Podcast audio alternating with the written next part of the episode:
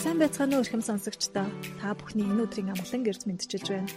Бид энэ хүү цуглал подкастаараа дамжуулан Америкийн нэгдсэн улсад дэлхийд тэргүүлэх боловсрол эзэмшээд их орондоо иргэн ирж мэрэгжлэр салбар салбартаа манлайдан ажиллаж буй Монгол залуусын түүхийг хүргэж байхаар зорилоо.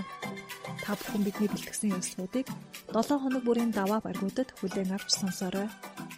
Сайн байцгаана эрхэм сонсогчдоо. Монголд Америкт төгсөгчтэй холбоо буюу МАСАгаас цуврал болгон эрхлэн хүргэдэг. Америкт суралцсан миний түүх цуврал подкастын маань цоошин дугаар та бүхэнд дахин энэ 7 хоногт хүрэхэд бэлэн боллоо. Тэгээ энэ 7 хоногийн маань зочноор бас нэгэн сонирхолтой зочныг та бүхэнд өргөсөн байгаа. Энэ хүн бол Америкийн нэгдсэн улсад лаврын төвшин төгссөн. А мөн трансфер буюу шилжиж ингэж сурж исэн туршлагатай юм хүн байгаа. Америкт ажиллаж исэн гээд маш оо баялаг туршлагатай юм хүн байгаа. Тэгээд хэдүүлээ хамтдаа яриаруугаа орцгоо ингээд бидний урилгыг хүлээж авсанд баярлалаа. Тэгээ өөрийгөө манай сонсогчдод дэлгэрэнгүй танилцуулаад байлаа яриагаа эхлэе. Сайн байцгаана уу? Юуны өмнө намайг подкастт оролцуулж байгаа Масагийн хамт олон болон Education USA-д баярлалаа. Намайг Санж Мито гэдэг. Би 10 жилийн анхаарал хэлтэй сургуулийг төгсөөд их сургуулаа болохоор Texas мужийн Dallas хоттой ойр байдаг Longview хотын Letourneau University-г бизнес удирдлага санхүүгийн чиглэлээр бакалаврын зэргийг хамгаалсан. Манай сургууль болохоор яг нэлийн жижигхэн сургуультай ордог Америкийн бусад сургуулиудтайгаа харьцуулахад 3000 орчим оюутантай. Тэгээд бусад мужуудаас болохоор оюутнууд хөвчлэн инженеринг болон нисгээ сурах гэж ирдэг. Нисгээрээ Америкт эхний тавтаа ордог ийм сургуулигаа. За тэгээд би сургуулаа 18 оны өвөл төгссөн. Сургуулаа төгсөөд жил орчим OPT гэж яддаг. Тэгээ OPT-г Америкийн хөрөнгө оруулалт санхүүгийн фирмд Fidelity Investments гэдэг бас Америкт эхний топ 5-д ордог фирм байгаа. Фирмд хөрөнгө оруулалтын чиглэлээр ажиллаж байгаад тэгээд өнгөрсөн жилийн 10 сард Монголд ирээд Art Holdings компани, охин компани болохоор Securities компани санхүүгийн шинжээчээр ороод ажиллаж байна. За, хоёлаа суралцсан мужийн талаар яриагаа эхлэе. Ямар мужид сурж ив? Ямар мужийн ямар хотод сурж ив? Онцлогуудын талаар бас хуваалцаач. За миний сурж исэн мужид болохоор Texas муж. Texas мужийн онцлог гэвэл маш олон онцлогтой. Бусад мужуудтай харьцуулахад бол маш олон өргөн түүхтэй юм муж байгаа. Тэгээд яг би анх сургуульд явахаас өмнө Texas муж гэдэг яг research хийгээд хайгаад үзэж байхад ерөөдөө бол яг хүн болгоны одоо common knowledge буюу мэддэг өнцгөөс бол яг нөгөө нэг бүрх малгайтай, кобай готалтай, тэгээд нэг буу барьсан кинонэр гардаг. Тиймэрхүү хүлээлттэй Texas мужид очиж исэн. Тэгээд яг би сургуультай spring semester буюу нэг сард хамгийн очиж байхад Монголоо Монголоос шууд очиход Монгол болохоор айгүй хүүтэн. Texas хасан чи айгүй гоё дулаахан байсан. Тэр надад бүр амар гоёсэн. Тэгээд яг онгоцны бодол дээрээ буусан чи өөдөөс тэм нэг humid плэнх чиглэг уур амьсгал бүх гэж хүлээж авч ирсэн. Тэгээд сургууль дээрээ очиод яг ингээд байж хахад бол Texas нэг онцлог нь болохоор хүмүүс нь маш гоё хамгийн гоё нь одоо Texas Hospitality гэж яддаг. Хүмүүс нь маш найрсаг, гэр бүлсэг, маш их тусархуу хүмүүстэй. Тэрүүгээрээ маш онцлог. Тэгээд бусад зүйлээр бол амьдралын үртэг маш доогуур байдаг. Бусад мужуудтай харьцуулахад Калифорниа, Нью-Йорк зэрэг мужуудтай харьцуулахад бол 2-оос 3 дахин амьдралын үртэг багтай. Түүнийгээ дагаад цалингийнх нь хөлсөн ч гэсэн маш бага байдаг. Нью-Йоркт ажиллаж байхад ч юм уу эсвэл LA-д ажиллаж байхад цагийн хамгийн доотлол нь 14 15 доллароос эхэлж байхад Texas ажилладаг хахад би нөгөө Texas-да кампус дээр ажиллаж байхад яг цалингийн хамгийн доод хэмжээ буюу 7.5 доллар авч ирсэн. Тэгээд тэр нь бол Америкт нийтлэн доогоор ордог цалингийн хэмжээтэй. Тэгээд газ бол маш хямдхан. Бензин хямдхан. Тэгээд бүх зүйл нь маш том Texas мужи. Татвар баг болохоор л гэж байна. Тийм, татвар багтай учраас тийм байдаг. Nice. Тэгэхээр чиглэг дулаан уур амьсгалтай газар очихыг хүсэж байгаа хүмүүс байх юм бол бас Техас мужийг сонирхоод үзээрэй те. Тэнд байдаг сургуулиудыг судлаад үзээрэй. За, Санчкагийн хувьд яаж явж байгаад Америкт сурах болчихов? Тэгээд Америкт сурахаар шийдсэн тэр гол шалтгаан чинь юу вэ? Тэгээд тэр замналаасаа болцож За миний яг Америкт сурч байсан замнууд гэвэл бусад хүмүүсийнхээс нэлээд өөр. Би болохоор 10 жилдээ ерөөсөө Америкт сурна гэж боддоггүй хөхтэйсээ. Би 10 жилдээ ангаахаар явъя гэж бодоод 4 5 жил хим биологийн сонгонд яваад ер нь бол хим биологийн олимпиадуудад ороо явж идэг байсан тийм хөхтэйж агаад Тэгээд 11-р ангида би анхны хэлтэйг 10 жилдээ төгссөн. Тэгээд 11-р ангид тахта гинт мэрэгчлээ солиод санхүүгээр сурахаар шийдээд тэгээд мандах бүртгэл их сургуульд ороод тэндээ нэг жил орчим сураад байж байгаа. Тухайн үед ч яг нөгөө нэг айгүйх гадаад сурч исэн оюутнуудын тэмдэглэл ялангуяа нөгөө Ivy League-ийн том том сургуулиуд сурч исэн хүмүүсийн ярилцлага айгүйх гардаг гэсэн. Тэгээд тэдрийг нь үзээд за ер нь л гадаад сурах бол болох юм байна гэж бодоод тэгээд одоо яг тэр тэр үеийг ингээ аваад үзэх юм бол манай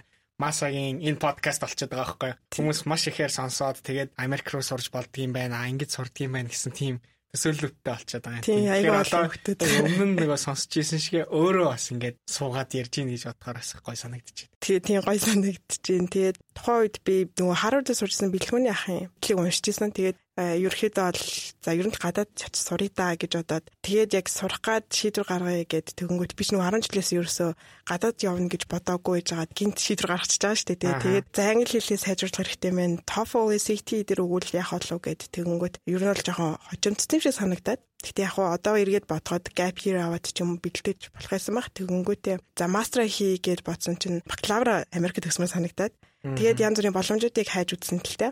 Тэгээ боломжуудыг хайж агаад би Литв Монголиа гэж сургуулийг олсон.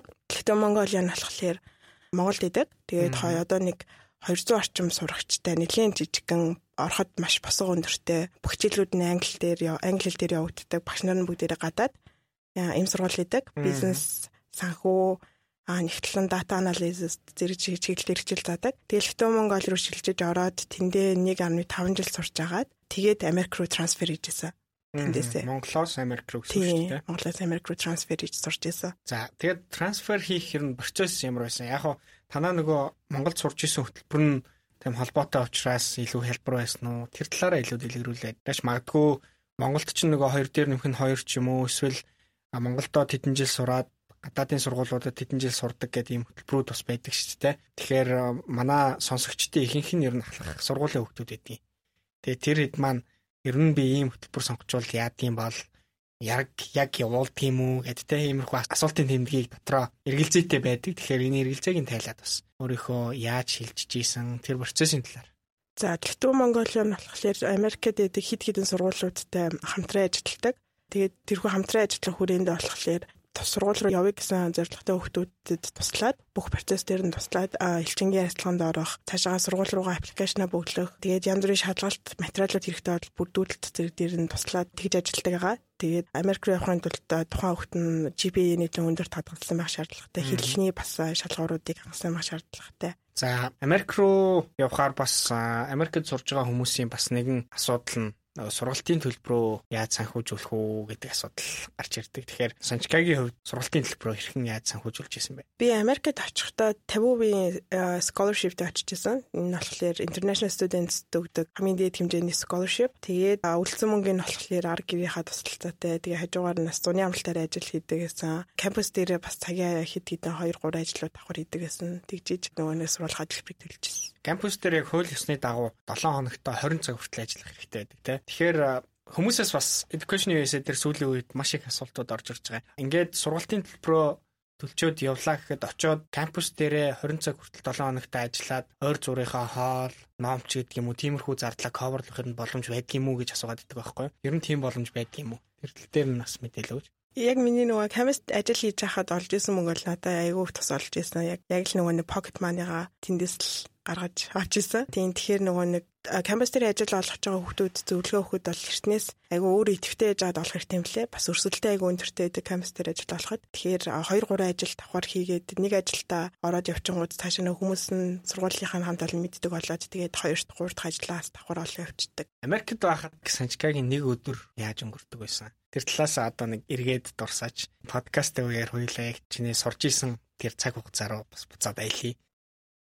Буцаасан ч бас гоё шээ. Яг сургуулийн нэг өдөр гэл айгүй ачаалттай байдаг гэсэн. Айгүй хичээлтэй хичээлүүдээ хийдэг. Ян зүр хийдэг гэсэн. Яг файналийн үеэр бол намын сандаа баг өдөржингөө суудаг байсан. Бусад үеэр бол хичээлдээ явна, хоолойд найзуудтайгаа уулзна. Найзуудтайгаа маш их цагийг өнгөрөөдөг гэсэн тухайн үедээ тийм байна. Тэгээд а миний хувьд болохоор яг өглөөс бол 7 8 гэл номын сандаа хичээлүүд манай хичээл нэг хөвчлэн би хичээлүүдээ 11 цагаас хойш юм авцсан байдаг.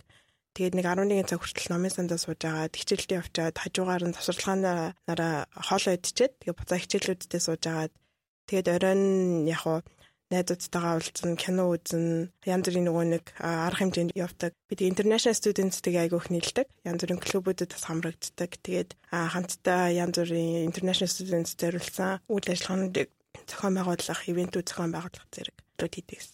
Оюутны одоо танаас сургууль бас 3000 оюутантай ярьж байна. Тэгээд 2000-аас 15000 оюутантай бол дундаж хэмжээний их сургууль явждаг. Тэгээд 15-аас дээш бол том их сургууль явждаг. Тэгээд танах бол дундаж хэмжээний сургууль байсан байна. Ийм сургуулийн кампус нь ер нь ямар хөө байдаг юм бэ гэж хүмүүс сонирхож байгаа.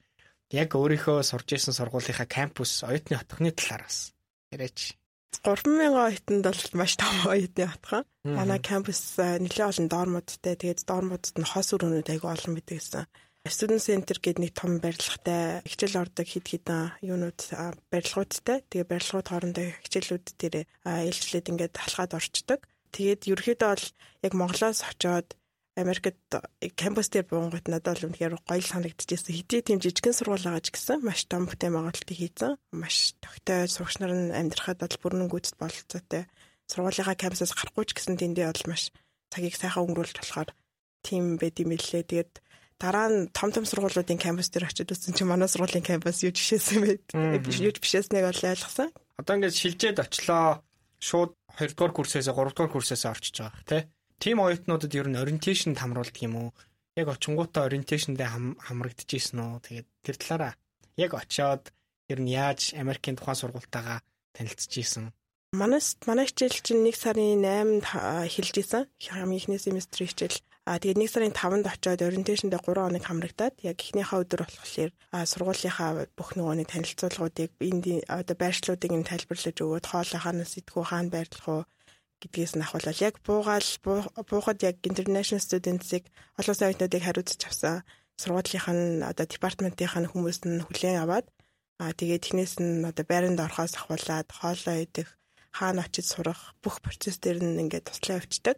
Бусад туршлагатай оюутнуудтай холбож өгөөд одоо жишээ нь нэг 2-оос 3 оюутныг нэг хүн хариуцаад тэгээд тэр хүн бүх юмыг зааж өгөөд тэгж явдаг. Тэгэхээр ерөөхдөө яг Америкт очие гэж бодож байгаа хүүхдүүд байх юм бол ерөөсөө яах хэрэггүй. Яг манай яг багш нар э, юу сургуулийн хүмүүс бол баг Даллас дээр буугаад манай сургуулийн Далласаас 2 цагийн зайтай. Тэгээд Далласаас буухад баг ирээд тосч аваад тэгээд явж исэн. Тэгэхээр эхнээс нь ахуулаад ойлгох одоо процесс хүртэл бүх юмыг нь маш эмгэгцтэй ойлгомжтой тус байдлаар туслаад тэгж зааж өгдөг. Тэгэхээр оюутныхаа кампуст амьдарч исэн баг тий. Тэгэхээр оюутны кампуст оюутны хотхон дотор амьдрах ямар хөө байдаг вэ? Оюутны байранд амьдрах айгүй гоё штэ. Олон улсын оюутнуудад зориулсан тийм давхар байдаг. Тэр давхарт нь болохоор маш олон олон улсын оюутнууд зөвхөн амьдардаг. Тэгээ манай сургууль Кристиан сургууль байсан. Тэгэхээр нөө эрэгтэй эмэгтэйгээрээ тустай амьдардаг.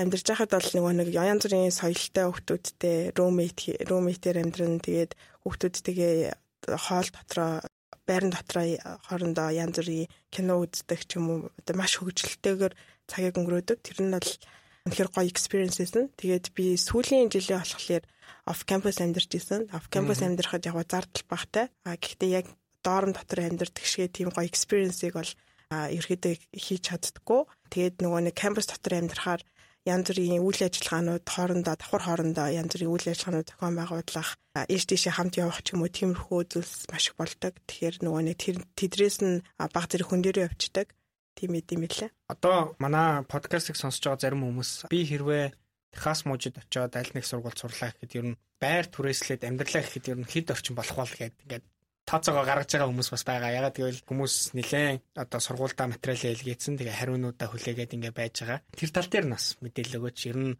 байр түрээслэхэд ямар хуу нөхцөлтэй байдгийг, үнэн нь ерөнхийдөө ямар хуу байдгийг ингээд манай өмнөх подкастууд дээр иймэрхүү сэдвүүдийг огт хөндөж байгаагүй учраас бас манай сонсогчд маань ч гэсэн илүү сонирхолтой байх болов уу гэж бодож байна. Манай Texas яг бас хотоос шалтгаалт юм аа. Манай сургууль чинь Longview гэдэг хотод айгүй жижигхэн хот. Далласаас 2 цаг гаруй явдаг.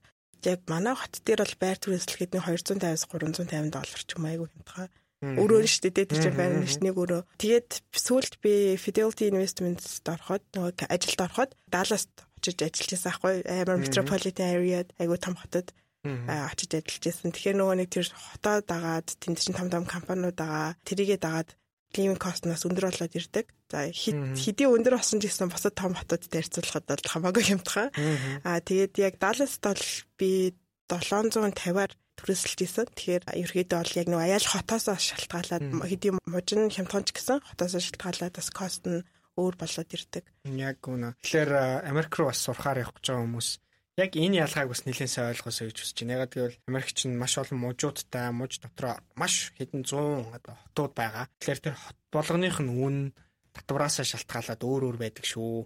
Тийм учраас яг өөрийнхөө санхүү тохирсон сургуулаа олё гэж бодож байгаа бол бас нэлээд сайн судалгаа хийх юм бол боломжийн тийм сургуулиуд, боломжийн байршилтай бас газрууд байдаг шүү гэдгийг хэлмээр байна. Америкт одоо ингээд сурж байхад нэлээд олон сайхан дурсамжууд үлддэг. Тэгээд таны хувьд тэр сайхан дурсамжуудаасаа болцааж Дурсамжууд бол зөндөө үлддэг. Эргээд яг бодохоор хамгийн гоё дурсамжууд гэвэл яг найзуудтайгаа өнгөрүүлж исэн тэр дурсамжууд бол хамгийн гоё байд юм лээ. Тэгээ миний хувьд болохоор айгүй олон төрлийн найзуудтай байсан. Тэгээд найзуудтайгаа хамтдаа ярилцах одоо янз бүрийн experience share хийх тэр болгоно нь маш сонирхолтой байдаг гэсэн. Тэнд чинь ингээд энэ тентхийн олон төрлийн овс орнуудаас ирсэн хүмүүс байгаа. Тэгээд тэр хүмүүсийн одоо childhood-ийг сонсох ч юм уу эсвэл улс орнуудынх нь байдлыг сонсох тэр болгоноос айгүй олон зүйлийг сураад мэдээд тэгээд өөрөө ч гэсэн өөрийнхөө орныхоо тухай яриад одоо Монгол гэдэг нь ийм орн байдаг гэдэг тэгэнгүүт хүмүүсийн яг ямар хариу үйлдэл үзүүлж байгаа нэртэл айгүй сонирхолтой. Тэгээд тэр дундаас бол айгүй гой гой дурсамжуудыг би өөртөө үлдээж исэн. Тэгээд би өөрөө бас нөгөө нэг ажилд орчоод сүүлд нэг медиум дээр бас блог хөтэлдэг гэсэн. Тэгээд тэрэн дээрээ хэрэг нэг сонсож байгаа санчка мантах гэдэг медиум дээр блог агаа хараад уншаарай. Блог нь орж уншаарай.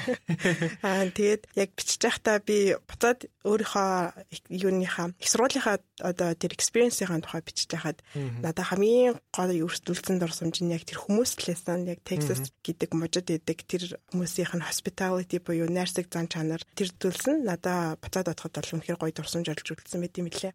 Америкт байх сурж байгаа хамгийн хүнд хэцүү сорилттой үе би яг нэгдүгээр семестртээ очиод яг Монголоос шууд Америкт очиж байгаа шүү дээ. Сургаад тэгээд очиод байж байгаа Spring Break-ийнхаа үеэр айгүй хүнд өвдчихсэн. Тэгээд тухайн үед болохоор би баг гэрийнхэн даарж байгаа буцаж явах дээрээ хүртэл тулах хэмжээний өвдөд. Тэгээд иж яхад бол надад үнэхээр хэцүү санагдчихсэн. Ингээд өдөр болгон гэрийнхэн залгаад за яаж ийн гэж ярьж байгаа ч гэсэн яг хажууд байхгүй болохоор ингээд хол тийм учраас тэр нь айгүй хүнд хэцүү санагддаг юм лээ. Тэгээд босоод найзуудтайгаа ч гэсэн ярьж байхад Америкт сурдаг төгссөн найзуудтайгаа ярьж байхад хамгийн хэцүү үе нь гэрийнхнийгаа санах homesick болох. Тэр нь л хамгийн хэцүү байдаг. Тэгээд тухайн үед надаа айгүй олон хүмүүс тусалж исэн. Аа манай найзууд болохоор spring break гэдэг чинь аялын явцсан байсан л та тухайд. Тэгээд яг сургууль дээр үлдсэн байсан олон улсын оюутнуудыг хариуцж авсан ажилтнууд маань надаа айгүй их тусалж хоол өгөөл ирээл за яаж ин гэдэг айгүй care хийдэгсэн. Тэгээд тэр болгоно намайг Америкт үлдэхэд айгүй тусалсан гэж хэлж болно. За хоёлаа одоо мэрэгжил рүү чинь оръё. Америкт яг танаа мэрэгжлийн одоо онцлог нь юу юм? Тэгээ Америкт тухайн мэрэгжлэр сурахад ерөнхийдөө яг ямар хуу хичээлүүдийг үздэг байсан тэр талаар нь.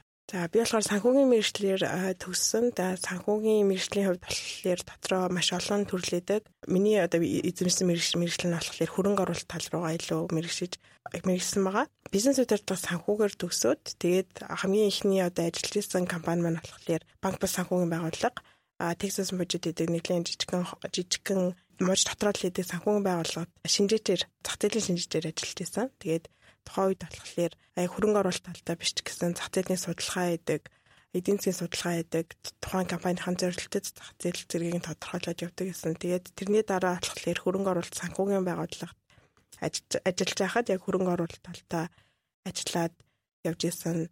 Тэгэхээр санхүүгийн яг нөгөө нэг миний мэрэгжил нь болохоор илүү судалгаа шинжилгээ, эдийн засаг, зах зээлийн судалгаа тал руугаа чиглэсэн ийм мэржил байгаа. Одоо санхүү хөрөнгө оруулалт гэж хүмүүс сонсохоор ялангуяа нөгөө өсвөр насны хүүхдүүд маань аа ерөнхийдөө нэг иймэрхүү сэдвэр л хичээл авах юм байна гэж ингээ боддог шүү дээ. Жишээ нь Санчкагийн хувьд яг Америкийн кампус дээр очиод явж байхад хамгийн дуртай хичээл нь ч юм уу юу байсан бэ?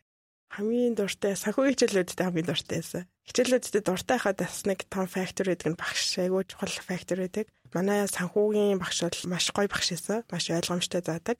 Тэгээд бас хатуугаар айгу алтартай багш байсан. Шалгалтын нэрээ яг 30 секунд хоцроод орж ирж исэн хоёр хүүхдийг шүү шалгалтанд нь оруулахгүй тохиоллыг хараад яг би амар багшаас айж исэн тухайд. Тэгээд дараа нь болохоор багштайгаа айгу close connection тоотлоод 3 4 хичээлүүдийг авч исэн л таас эдийн засаг санхүүгийн чиглэлээр Тэгээд яг нөгөө багштайгаа ингээд айгүй ойлголцоод ирэнгүүт тухайн хичээлдээ дурлаад ирдэг. Тэгээд хичээлдээ яг дуртай болоод ирэнгүүт багшаас айгүй олон юм очиж асуудаг, өөрөө бие даад сурдаг. Тэгж явхад бол багшийн нөлөө маш их байсан. Сүүлийн үед санхүүгийн зах зээл дээр бас нэлээд олон бүтээгдэхүүнүүд нэмэгдэж гарч ийн. За тэгээд мөн одоо Монголд ч ихсэн зарим нэг бүтээгдэхүүнүүд нь илүү одоо давмгаалж орж ирж байна те. Энтэй холбоотойгоор ер нь зах зээлийн шинжилгээг ер нь яаж хийдэг юм бэ гэдэг талаар нэг давчхон дэлгэл өгөөч зах зээлийн шинжилгээг эдийн засгийн том зураглаас нь эхлэн. Эдийн эхлээд тухайн улсын эдийн засгийг судлана. Улсынхаа эдийн засгийг судлахаас өмнө дэлхийн эдийн засаг судлана. За дэлхийн эдийн засаг ер нь ялж чиглэлж явж байна. Аа тэгээд Монгол улсын зах зээл дээр шин шинжилгээ хийж байгаа бол Хятадын эдийн засаг, Оросын эдийн засаг маш чухал нөлөөтэй. Тэгэхээр тухайн хоёр улсын эдийн засгийг судалж агаад тэгээ Монгол улсын эдийн засаг руу орж ирээд тэгээд зах зээл одоо нэг компани дээр жишээ авахад банкн дээр судалгаа хийж байгаа бол зах зээлийг энэ судлаад бүр салбар руу нараад банкныхаа салбар руу орж ирээд тэгээд судалгаа хийдэг. Тэгэхээр том зураглаас нь жижиг зураглал руу оруулж ирж судалгааг хийдэг. За энэ санхүүгийн салбар ер нь хэр ирээдүйтэй байна.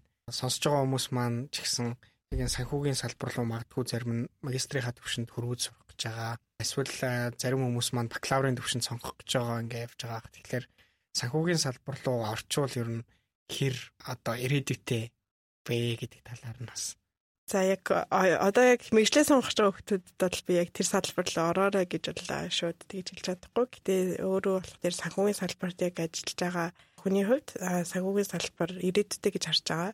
Яг санхүүгийн бүтээгдэхүүнүүд маш өргөн болоод ирсэн. Ганц хүмүүсийн мэддгээр хувьцаа бонд гэж идэгэсэн бол одоо үсгэл санхүүгийн хэрэгслүүд ороод ирсэн, криптонууд ороод ирсэн. Крипто бол одоо бүүн болж байна. Тэгээд цаашлаадаас ямар бүтээгдэхүүнүүд орж ирэхийг бас бид нар мэдэхгүй. Маш олон санхүүгийн шинжээчид, хөрөнгө оруулалтын bankers маш олон хүмүүс санхүүгийн шинжлэх бүтээгдэхүүнүүдийг нэвтрүүлж байна. Цаашлаад ярих юм бол санхүүгийн одоо хөрөнгө оруулалтын зах зээл нь маш олон маневрыг хийж байна л та. Одоо яг өнөөдрийн жишээгээр ярихад бол Америкийн инфляц маш өндөр гарч байхад SP 500 индекс маш өндөр гарч байгаа жишээний тий. Тэр чинь уг нь бол тэр инфляц өндөр гарч байгаа буурж байгаа одоо тийм тогтолцоотой явагддаг. Гэтэл хөрөнгө оруулалтын зах зээл дээр ажиллаж байгаа эсвэл тухайн салбар янз бүрийн үйл ажиллагаа явуулж байгаа компаниуд нь нас үүнд нөлөөлж байгаа. Тэгэхээр ирээдүйдээ ч гэсэн энэ хөгжил нь цаашдаа улам хөгжөөд маш их ирээдүйтэй байна гэж харж байгаа. Одоо ингээд Америкт сураад төгслөө. Тэгээд хүмүүсийн хамгийн их гоё боддог нэг зүйл төгсөлтийн баяр гэдэг шүү дээ. Төгсөлтийн баяр тэмдэглэж явах тэр мөчд яг юу бодогдд юм бэ? Яаж ажил болно да. Төсөлтийн баяр агүй гоёсан. Өмнөх жилүүдэд хийжсэн бүх хичээлүүдэд дуусгацсан. Тэгээд одоо маш том зүйлийн ард гарчиж байгаа шүү дээ тэр чинь. Тийм тэр талаараа маш гоёсэн. Тэг хажуугаар нэг гонигтай байсан. Найзуудтай баяртай гэж хэлээд бас багш нартаа А би бас host family-д амьдардаг гэсэн. А тэгэхээр нөгөө host family-ийнхаа хүмүүст баяртай гэж хэлдэг. Тэр нь айгүй гонигтай, баяртай гонигтай яг давхцсан тийм л мэдрэмж идэм билээ. Тэгээд төгсөлтийнхаа дараа 7 хоногийн дараагаас за ажиллаа олъё да гэж сууж ирсэн тэрнээс.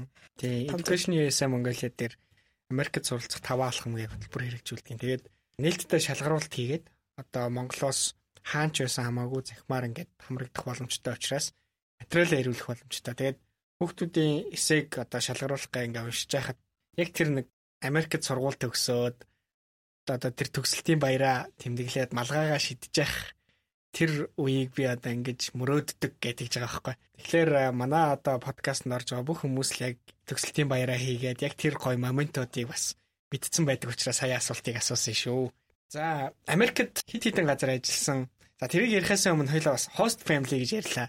Host family-г нь яаж олдгийг тэр талаар бас мэдээлэл өгөөч.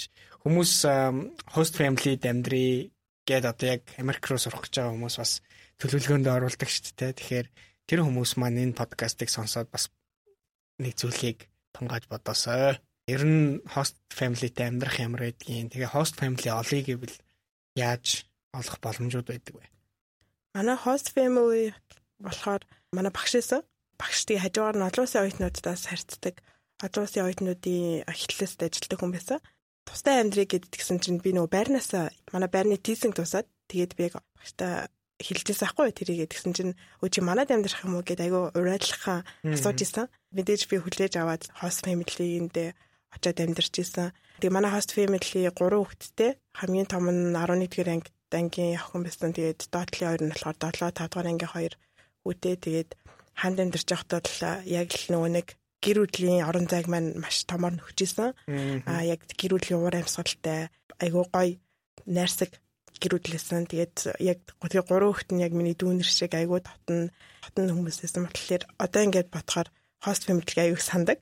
Одоо ингээд яг Америк гэр бүлтэй хамт амьдраад үзэхээр Монгол Америк хоёрын одоо амьдралын хэв маягийн ялгаа ер нь хэр анзаарэгддэг вэ? Ялгаа мэдээж хэрэг маш олон байдаг. Америк гэр бүл манай host family-гийн ээж нь айгу тийм straight forward буюу айгу шулуун юм байсан. Хүүхдүүд айгу хүмүүжлэлтэй. Яг хүмүүжүүлсэн бэ гэхээр хүүхдүүд яг том үнтэй ярьж амшиг ярьдаг. Монголд ч нэг тэгэхээр хүүхдтэй ярихтаа ингээд жоох хүүхд гэдгээр нь хизээч та энэ хүүхд том гэдэг утгаар харж ярьдаггүй. А тэгэнгүүт Америкт ер нь их гэрүүлээд хүүхдүүдтэйгээ энэ яг том хүүхд гэдэг өнцгөр харж ярьдсан мэтлээ. Юмыг тайлбарлаж өгдөг. Тэргээд дагаад хүүхдийн хүмүүжлэн гэсэн шал өөр болоод ирдэг. Тэр нь бол надаа маш одоо гоё санагдчихсан. Айгу тэр тэр талаараа өөр юм билээ. За Америкт одоо ингээд төгслөө. Тэгээд төгссөнийхөө дараа OPT-гээ хийж эхэлсэн. Тэгээд яагаад OPT-гээ хийгэж шийдсэн. За тэгээд OPT-г ер нь ямар хуу процесстойгоор хийсэн. Тэгээ ер нь Америкт ажилласан, үргэлжлүүлээд ажилласан тэр талаараа дэлгэрэнгүй сайхан яриач. OPT яг олон улсын оюутнууд Америкт төгсөөд нэгээс 3 жил ажиллах зөвшөөрөл өгдөг. Хэрвээ бизнес ч юм уу general education-ээр төгссөн хүүхдүүд бол 1 жил ажиллаж болно. STEM гэж ярьдаг те science, technology, engineering, math а team чиглэлээр төгссөн оюутнууд болохоор 3 жил ажиллаж болдог. А тэгээд тухайн хугацаанд нь болохоор визгийн цаанаас нөгч чинь гэсэн үг. А тэгээд тэрийгэ хугацаагаа дуусгасны дараа тухайн компани тухайн ажилтныг цаашаа аавна гэвэл спонсоршип бол явчихдаг тий. А тэгээд миний хувьд болохоор яг бизнесээр сурсан байсан болохоор нэг жил ажиллах а визийг авч исэн. Тэгээд яг виз олдож байгаа юм чинь боломж олдож байгаа дэр нь ажиллая гэж бодоод тэгээд OPT-гөө хийжсэн. Ямар компанид хийжсэн тэр талаараа. OPT-г болохоор би Fidelity Investments, Loans Direct Credit гэх хоёр компани хийжсэн. Эхнийх нь компани болохоор Texas Texas-ийн Dallas-тай ойрдог Fort Worth гээд хоёр дахь том хот идэг. Dallas-ыг хажууд идэг. Тэнд ажиллаж исэн банк ба санхүүгийн байгууллага. Хоёр дахь компани нь болохоор Fidelity Investments гээд одоо Америкт яг хөрөнгө оруулалт талдаа байгууллагуудын одоо топ 5-та ордог тийм компанид хөрөнгө оруулалтыг шинжиж ажилтнаар ажиллаж байсан. Одоо ингээд Монголд ирээд ажиллаж байна. Америкт бас ажиллаж исэн. Тэгээд энэ хоёрын ялгаа бас хэр анзаарэгдэж байна. Америкт ажилтан байх, Монголд ажилтан байх хоёр. Америкт ажиллахад айгүй тийм detail work айгүй хийдэг байсан. Америкт ч ер нь нэг онцлог, ер нь хүчтэй орнуудын онцлогын тийм бид шүү дээ. Айгүй ажил нь тодорхой яг айгүй том бүтцтэй гэдэг бүх бүтцийн танаас нь зохион байгуулалтын structure нь одоо маш боловсон. Тийм учраас яг ямар нэгэн ажилтай entry level эсвэл junior level дээр очиж байгаа бол бүх ажлууд нь тодорхой байдаг. Хийж байгаа ажил нь ч гэсэн түүнийгээ дагаад амархан. Тэгээ миний ажил бол яг нэг bookkeeping, accounting талтай хэд их хөрөнгө оруулалтын компанич гэсэн. А тэгэхээр яг миний өдөр болгон хийдэг ажлууд хоорондоо адилхан гэсэн үг. Би маргааш ажил дээр очиод юу хийн гэдгийг мэддэг. Тэр 7 хоногта юу хийн гэдгийг мэддэг. Эрэхт нэг жилдээ ч гэсэн баг юу хийн гэдгийг мэддэг. Тийм тодорхой ажил байсан. Тэгээд Монголд болохоор бүх юм шал өөрөөсөө. Монголд одоо байс ерөнхий ясна. Ихэд ерөнхий ясан. Нэг хүн айгүй олон ажлыг хийдэг. А тэрийгээ тагаад айгүй сонирхолтой. Америкт яг тэгэж нэг жилийн турш яг нэг ажлаа өдөр болгон хийхэд бол эхэндээ 3 4 сарын хугацаанд тухайн ажлаа сурах гэж явж байгаад ерөөсөө одоо уйдах завгүй байсан. Уйдах завгүй байжгаад тэгээд нэг 5 6 сараас жоох уйдаад эхэлт юм байлээ. Нэг ажлаа байн хийгээд тахаар А тэнгуут Монголд болохоор би одоо жил гаруй ажиллаж байгаа гэсэн одоо ч л байхгүй би маргааш энэ 7 хоног яг юу болохыг мэдэхгүй. Ягаад тэгэхээр машин шин төслүүд орж ирдэг. Шийдвэр гаргалтын процесс ч гэсэн маш хурдан явдаг. А тэгээ би зөвхөн санхүү санхүүгийн шинжиж хийж байгаа ч гэсэн зөвхөн санхүүгээр ажиллахгүй маш олон ажлуудыг хийдэг. Тэр нь нэг талаараа айгүй ачаалттай гэсэн нөгөө талаараа айгүй сонирхолтой. Хөгжих боломж нь их байна гэсэн үг шүү дээ. Бас тэ давхар. Тий. За тэгээд Америкт нэг жил ажиллачаад тэгээд үргэлжлүүлээд ямар хувирцдоор үргэлжилсэн бэ? Америкт ерөнхийдөө бол 3 жил жилсэн гэдэг байгаа шүү дээ. Тий, Америкт би 2020 оны 2 сард гэдэг чинь өнгөрсөн жилийн 2 сард ажиллаад байгаа хүлээлгээд өчөөд за Монгол руу явъя гэд байжсэн чинь нөгөө хил хагдаад коронавигоос болоод тэгээд Америкт 7 сар гацчихад 7 8 сар гацчихад тэгээд Монголд ирсэн. Тэгээд 8 сар гацчих байхдаа болохоор Лос Анжелест 8 сар амьдэрсэн. Тий. Америкийн баруун ирэг дээр амьдрах юм хэр юм бэ? Би Texas-аас Los Angeles-д очиход бол шал өөр өөр явсгал хүлээж авч ирсэн яг а эхлээд болохоор би найзанд очиод Koreatown-д очиод яг тэгэж очиход бол айгүй бол Аз хүмүүстэй Монгол хүмүүсээс айгүй их олон байсан. Баруун эргийн нэг гоё юм бич дадлаа эргүүд нь айгүй гоё. Би бол Калифорнигийн миний дурлсан зүйл нь бол дадлаа эрэг. А тэгээд би хэрвээ буцаж Америкт очиж хэрвээ сурах ч юм уу амьдрах тийм боломж гарвал би шууд Калифорни руу явна гэж боддог. За одоо ингээд Америкт сураад Америкт ажиллачлаа. Одоо энэ өндөрлгөөс харахад хэл сурж байгаа хүмүүст юуг зөвлөх вэ? Тэгээд таны хувьд бас хэлээ яаж сурж исэн бэ? Тэр түүхээсээ яваалцаж. А би хэлийг нэлээ хожуу, англи хэлийг нэлээ хожуу шахаж сурж исэн. 10 жилдээ болохоор англи хэлээ яг бусад хүүхдүүдийг TOEFL, CT бэлтгэж бэлтгэж юм уу тэгж сурж байгаагүй зүгээр л ангидаа тийм сайн оюутан сайн сурагч нээсэн. А тэгээ одоогийн оюутнууд бол айгүй мундаг болсон мөлий. Англи хэлээ бүр бага ангиасаа дунд ангиасаа гүнзгийрүүдээ сурцсан одоо хоорондоо англиар ярьдаг ч юм уу те тийм хүмүүс айгүй холлон байдаг. Тэгэхээр хэлээ сурч байгаа хүмүүстэд ер нь зөвлөгөө бичгийн ур чадвар болон уншлагынхаа ур чадрыг бол хүү яг ганцаараа яжгаад нухчил сурна гэж бодож байна хүрээ бичиж сурмаар байвал эсэ бичих янз бүрийн тэмдэглэлийн англи хэл дээр бичих. Уншлагынхаа ур чадварыг сайжруулах гэвэл ном унших эсвэл англи хэл дээр янз бүрийн нийтлэл унших ч юм уу тийм байдлаар сурж болно а харин ярианыхаа ур чадвар болон ярианыхаа ур чадварыг бол яг ярьж ижил сурд юм лээ тэгэхээр нэг ганц хоёр найзуудтайгаа яг ижил зорилготой найзуудтайгаа нийлээд хоорондоо ярилцах. Эсвэл хэрэг боломж олдвол native speakerтэй ярилцах бол маш одоо том чухал help болно. Тэгэхээр өөрийнхөө орчныг ер нь айгүй хэл сурыг гэсэн хүмүүсээр бүрдүүлэх нь бас өөр айгүй чухал. А тэгээ миний хувьд болохоор сүүлд Литу Монголиад ороход яг миний орчин нь өөрөө бүх багш нар нь гадаад хүмүүс тэгээд хичээлүүд нь англи хэл дээр явдаг хахад бол англи хэлний төвшин ирс сайжирсан. Тэгэхээр ер нь хэл сурах сурах байгаа, хэл сурж байгаа дүү нартай зөвлөд хэлгээд а өөрийнхөө орчныг сайн бүрдүүлээрэ хэл сурыг гэж бодож байгаа хүмүүсээр өөрийгөө бүрдүүлээрэ тэгээд өдөр тутмынхаа хийж байгаа бүх одоо зүйлсээ англи хэлтэй холбоод дуртай одоо дуртай нэг бичлэгийг англи хэлээр үздэг ч юм уу кино дуртай киногоо англи хэлээр үздэг ч юм уу тийм байдлаар сурвал илүү хурдан бөгөөд сонирхолтой байдлаар сурна. Одоо эргээд харахад Америкт сурсан санчкад тэрхээ яаж нөлөөсөн бэ? Америкт сурсан надад олон талаар нөлөөсөн. Америк явахаас өмнөх Санчика, явсны дараах Санчика хоёрыг бол харьцуулахад бол би маш том од өөрчлөлтийг харсан. Хандлагын хувьд бол маш маш их өөрчлөлт орд юм элэ. Америкт сураад ирсний дараа миний хандлага илүү өөр болж ирсэн а юмэг арай том зураг талаар нь харж сурсан. Америкч яг нөө American Dream гэж яддаг те. Илүү том зураг талтай like nothing is possible impossible гэдэг үг гэдэг тийм үү яг боломжгүй зүйл гэж яддаггүй хайрцагнаасаа яг давж сэтгэж сурсан. Тэгээд тэр болгоно нь одоо буцаад эргээд харахад би бол ингээд ямар нэг юмыг мөрөөдөхтөө би одоо надад хязгааргүйгээр мөрөөдөж чаддаг тэр хандлагыг надад суулгаж өгсөн. А тэгээ хоёр дахь хичээл нь болохоор би яг хоёр дахь курсынхаа эхний семестр багшаасаа асууж ирсэн та манай сургууль дээр айгүй тийм ухаантай нэг гоё багш идэгсэн миний айгүй татны.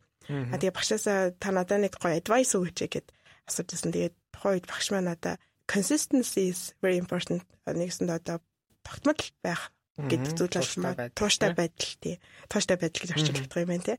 Тууштай байдал маш одоо чухал шүү гэж хэлж ирсэн. Тэгээд тэр үг нь миний одоо тэр түүнээс хойш маш олон зүйл төр тусалж ирсэн л та. Тэгээд ажил олоход тэгээд ер нь юмыг шинээр сурахад ч гэсэн тухайн үг нь яг тусалдаг. Тэгээд яг сүүлийн жишээ гэвэл би 2 жилийн өмнөөс яг гүйд сурна гэд өөртөө нэг зорилго тавиад Тэгээд эхний процесс эхний 5 сар бол надад амар хэцээсэй. Гүү ерөөсөө гүйдгүү тийм амар актив байдггүй хүн чинь гинтгүү гэдгэлсэн чинь айгүй ятраад ирсэн. Тэгэнгүүт нөгөө багшийнхаа үгийг санаад за consistency is key гэд. За тууштай байдал чинь яг чухал штэ гэж бодоод л яг ботлоо өсөл гардаг. Тэгээл гүйдэг. Тэгээ гүүгээд байх тусам тухайн зүйл нь надад маш хатууштай өгөөд. Тэгээ одоо 2 жилийн дараа буцаад ингээ харангуйт би бол айгүй өөрчлөгдсөн сэтгэл зүйн хувьд ч гэсэн бие махбодын хувьд ч гэсэн тэгэхээр тууштай байдал бол маш чухал юм байлээ гэдгийг тухайн үед багш маань ойлгож өгсөн надаас айгу том хичээл болж өгсөн. Тууштай байгаараа манай подкастыг сонсож байгаа хүмүүс маань дахиад хит хит эргэлзээтэй асуултуудыг би бас одоо сонсогчдын манд донд эргэлзээтэй байдаг хит хитэ асуултуудаас заримаас нь тодруулаад оруулъя гэж бодож байна. Тэгээ тэдний дунд одоо social security number гэдэг ойлголт байдаг те Америкт. Тэгэхээр Энэ яг ямар учиртай юм бэ гэд хүмүүс их асуудаг. Тэгэхээр тэрэнд нь бас хариулт өгөөч. Америкт байгаа бүх одоо Америкийн иргэн бол олон улсын оюутнууд ажил хийж байгаа хүмүүст social security number гэж өгдөг. Тэр нь болохоор хүн болгонд өөрийн гэсэн тийм тодорхой дугаар байдаг. Тэгээд тухайн дугаараараа янз бүрийн үйлчлэгээ авах, банкнд аккаунт нээхэд хүртэл social security-гээр нээх, driver's license буюу жолооны үлгэр авахд хүртэл social security-гээр авах зэрэг үйлчлэгээнүүдийг авдаг. Тэгэхээр таны identification number буюу одоо таныг тодорхойлох дугаар гэсэн үг. Тэгэхээр тухайн дугаар нь өөр хинтж байхгүй зөвхөн таны танилын гэсэн үг. Тэгээд таны бүх одоо банкны history, ажлын history, ажлын түүх бүх эргэх одоо түүхүүдийг бол таны social security хийгээд харж болно гэсэн үг байгаа. За энийг кампус дээр 20 цаг хүртэл ажиллах гэж байгаа оюутнууд бас social security number авах хэрэгтэй юу гэсэн асуултууд маш түгээмэл ирдэг. Аха. А татвар төлөх гэж хүмүүс болгон social security number авсан байх шаардлагатай. Тэгэхээр нөгөө кампус дээр ажил хийх байгаа оюутнууд болохоор ажлынхаа зөвшөөрлийг аваад тэгээ social security number-а цаашаа захиаллаад тэгээд авдаг. Зя маш олон тийм хүмүүсийн донд эргэлзээтэй байдаг асуултууд нас хариулт өгч чадсан баха гэж бодож байна. Битэрийн подкаст ч гэсэн өндөрлөх нэлээд өгч чинь тэгээд бидний подкаст болгон дээр нэг асуудаг асуулт байгаа. Тэр нь танаа сургууль хөгжлийн бэрхшээлтэй хүмүүст тэр ээлтэй сургууль байсан бэ? Аа манай сургуулийн хувьд хөгжлийн бэрхшээлтэй оюутан нь а яг нөгөө бусад оюутнуудтай адилхан шалгуур оноонуудад авсан мах шаардлагатай. SAT, TOEFL зэрэг оноонуудад аваад тэгээд орсны дараа болохоор хөгжлийн бэрхшээлтэй иргэдэд зориулсан орон байраар хангаж өгнө. Нөгөө талаараа сургууль хэрвээ хичээл авахтаа шаардлагатай хөгжлийн бэрхшээлтэй иргэдэд зориулсан хэрэгсэл шаардлагатай тухайн хэрэгслээр нь хангаж өгнө. Тэгэхээр хөгжлийн бэрхшээлтэй иргэнийг ямар нэгэн байдлаар дискриминейт хийхгүй яг л бусад оюутнуудтай тэгш сургуулийн үйл ажиллагаанд оролцоод хичээлүүд яг эргэтгэж авч явах нөхцөл байдлыг бүрэн хангасан гэж гэж хэлж болно. Тийм. American Disabilities Act гэдэг тийм баримт бичиг байдаг. Тэгээд тэр баримт бичгийн дагуу Америкийн бүх сургуулиуд нөгөө хөгжлийн бэрхшээлтэй хүмүүст зориулсан дэд бүтцийг өөрсдөө бий болгосон байх хэрэгтэй гэдэг. Тэгээд магадгүй Монголд ирж байгаа хүмүүс маань зарим нь анзаараагүй байдаг юм шиг байна. Тэгээд Монголд ирсний дараа үе ийм байдаг гэлөө гэж ингэж бодогдож нөгөө reverse cultural shock-нд орж исэн тийм тохиолдол зөндөө байт юм л. Жишээ нь одоо хаалгаа ингээд зүгээр Америкт бол зүгээр л ингээд нэг товчон дээр ч юм уу дараа л ингээд онгоочдөг. Ямар ч босгохгүй ч юм уу те. Тэд нарыг ингээд бид нар анзаардгүй ч гэсэн яг ингээд Монголд ирээд харахаар автобусандаа суухаас эхлээл те. Хөгжлийн бэрхшээлтэй хүмүүс тасар их тийм хүндрэлүүд байдаг. А гэтэл Америкийн ихтэй сургуулиудын кампус болгон оюутны отхон болгон бол хөгжлийн бэрхшээлтэй хүмүүст зориулсан тэмдэд бүтцэнд бүрэн шийтцэн байдаг шүү. Тэгэхээр хэрвээ одоо манай хөгжлийн бэрхшээлтэй хүмүүс энэ подкастыг сонсож байгаа бол Америкт ийм боломж байдаг юм байна гэж ойлгоод тэгээ та хэд маань бас материалаа явуулаарай. Дээрэс нь энэ нөгөө стандарт шалгалтуудыг өгөх гэж гисэн хөгжлийн бэрхшээлтэй хүмүүсийн бас хүсэлт явуулаад яг тохирсон тийм шалгалтаа өгөх боломжууд байдгийг шүү. Тэдний та хэд маань бас сан судалж үзээрэй гэж хэлмээр байна саяхан бас би зориг сангийн золон малайлын хөтөлбөрт хамрагдаад тэгээд манай хөтөлбөр болохоор багаараа төсөл хэрэгжүүлсэн. Тэгээд манай багийн хэрэгжүүлсэн төсөл нь болохоор хөгжлийн мэргэжилтэд иргэдэд зориулсан ажил байрыг ажлын байраар хангах төсөл байсан. Тэгээд а тус туслын өрөөнд болохоор манай багийнхаа хэд хэдэн хөгжлийн мэргэжилтэд иргэдтэй бол төлөөлөлтөд уулзаад ярилцаж үзэж явах яг таны түрүү хэлсэнчлээ Монголд хөгжлийн мэргэжилтэд иргэдийг яг тэгш оролцоог бол хангаж чадаагүй гэдгийг бол маш сайн ойлгосон. Тухайн хүмүүсийнх нь орсон сургалтаас нь харахад Монголд бол энэ хэрэгцээ маш хэрэгтэй байгаа юм байна. Сургууль зөвхөн сургуулиуд гэлтгүү ажлын байран дээр ч гэсэн хөгжлийн мэргэжилтэд иргэдэд зориулсан одоо лифтнээс ахуулаад тэр олон шат аа тэгээд нойл ч гэсэн тий ресторан ч гэсэн ороход тухайн нойл нь хөгжлийн мэргэжилтэд иргэдэд зориулсан стандартын дагуу байх хэрэгтэй байдаг. Тэгэхээр тэрхүү стандартуудыг бол албан байгууллагууд нь одоогийн байдлаар хангаж чадаагүй байгаа. Тэгэхээр Америкт одоо ингээ эргээд бодоход бол яг тэр стандартуудыг би бол тухайн үед анзаарч байгаагүй. Тийм яг тэг ирээд бодсон чинь яг тэр стандартууд манай ажлаар гэсэн хөгжлийн бэрхшээлтэй хэд хэдэ эргээд ажилтдаг гэсэн.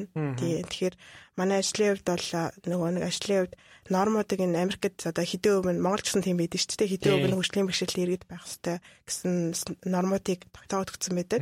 А тэгээд яг тэрнийхээ дагуу Америкт бол одоо тэр хүмүүсээ ажилд аваад явдаг. Гэтэ Монголд болохоор байгууллагууд ер нь татваруудлын өвчтөй мэдлэг хөгжлийн бишэлтэй иргэдэг ажилд авахгүйгээр. А тэгэхээр яагаад тэрнийх нь цаана маш олон шалтгаан магад энийг шалтгаан магадгүй тухайн байгууллагууд нь хөгжлийн бишэлтэй иргэдэд зориулсан тэр одоо хэрэгслүүдийг стандартуудыг хангаж өгөөгүй болохоор бас тийм байж магадгүй бах гэж харж байгаа. Тийм яг үнэ. За битэрийн подкаст яриад байвал зөндөө л олон зүйлийг ярихаараа харамсалтай нь альва зүйл цаг хугацаатай учраас хоёлаа подкаста өндөрлөх тийш нь хандуулъя. Тэгээд одоо подкаст өндөрлөхөөс өмнө бидний бас нэг асуулт, байнга асуудаг асуулт байгаа. Тэр нь манай подкастын дараа дараагийн зочноор хэнийг санал болгох вэ? Тэр хүн Америкт төгссөн байх хэвээр. За би дараагийн зочноор манай Риатинод ажиллаж байгаа Хатан Заяа гэдэг охин байгаа. А University of Washington-ыг төгссөн. Тэр охиныг санал болгож байна. За баярлалаа. Тэгээд бид нар холбогдоод боломжтой бол өөрсдийнхөө подкастад урьж оруулах болно. Тэгээ бидний урилгыг хүлээж аваад маш олон өөр өөр сэдвүүдээр мэдээлэл өгсөн. Тэгээд Америкт сурсан түүхээсээ хуваалцсан танд маш их баярлалаа. Тэгээд цаашдын ажил үйлсэд өндрөөс өндөр амжилтыг хүсье. За намайг подкастт өөрөө оролцуулсанд баярлалаа. Тэгээд хүүхдүүдэд хэрэгтэй зөвлөгөөг хэрэгтэй мэдээллийг өгсөн байх гэж найдаж байна. За баярлалаа. Энэ түрээд өнөөдрийн подкаст маань өндөрлж чинь дараа дараагийн подкастаас хамт байгаарай. Сонирхолтой зочдыг бид бүхэн та бүхэнтэй уулзуулсаар байх болно. Америкийн нэгдсэн улсын засгийн газраас санхүүжүүлдэг Education USA Mongolia хөтөлбөрийн хэрэгжүүлэгчээр Монгол дахь Америк төгсөгчдийн холбоо ажиллаж байна. Та Америкт ихтэй сургалт хэрхэн суралцах тухай цогц үнэн зөв мэдээллийг үн төлбөргүй авахыг хүсвэл Education USA Mongolia хөтөлбөрийн боловсролын зөвлөгөөдөд хандаарай. Бидэнтэй холбогдох хүсвэл www.masa.org-ийн цахим хуудасаар хандж болохоос гадна Facebook, Twitter, Instagram дээр Education USA Mongolia дагаарай. Ирэх даваа гарагт иргэн уулзлаа түр баяртай.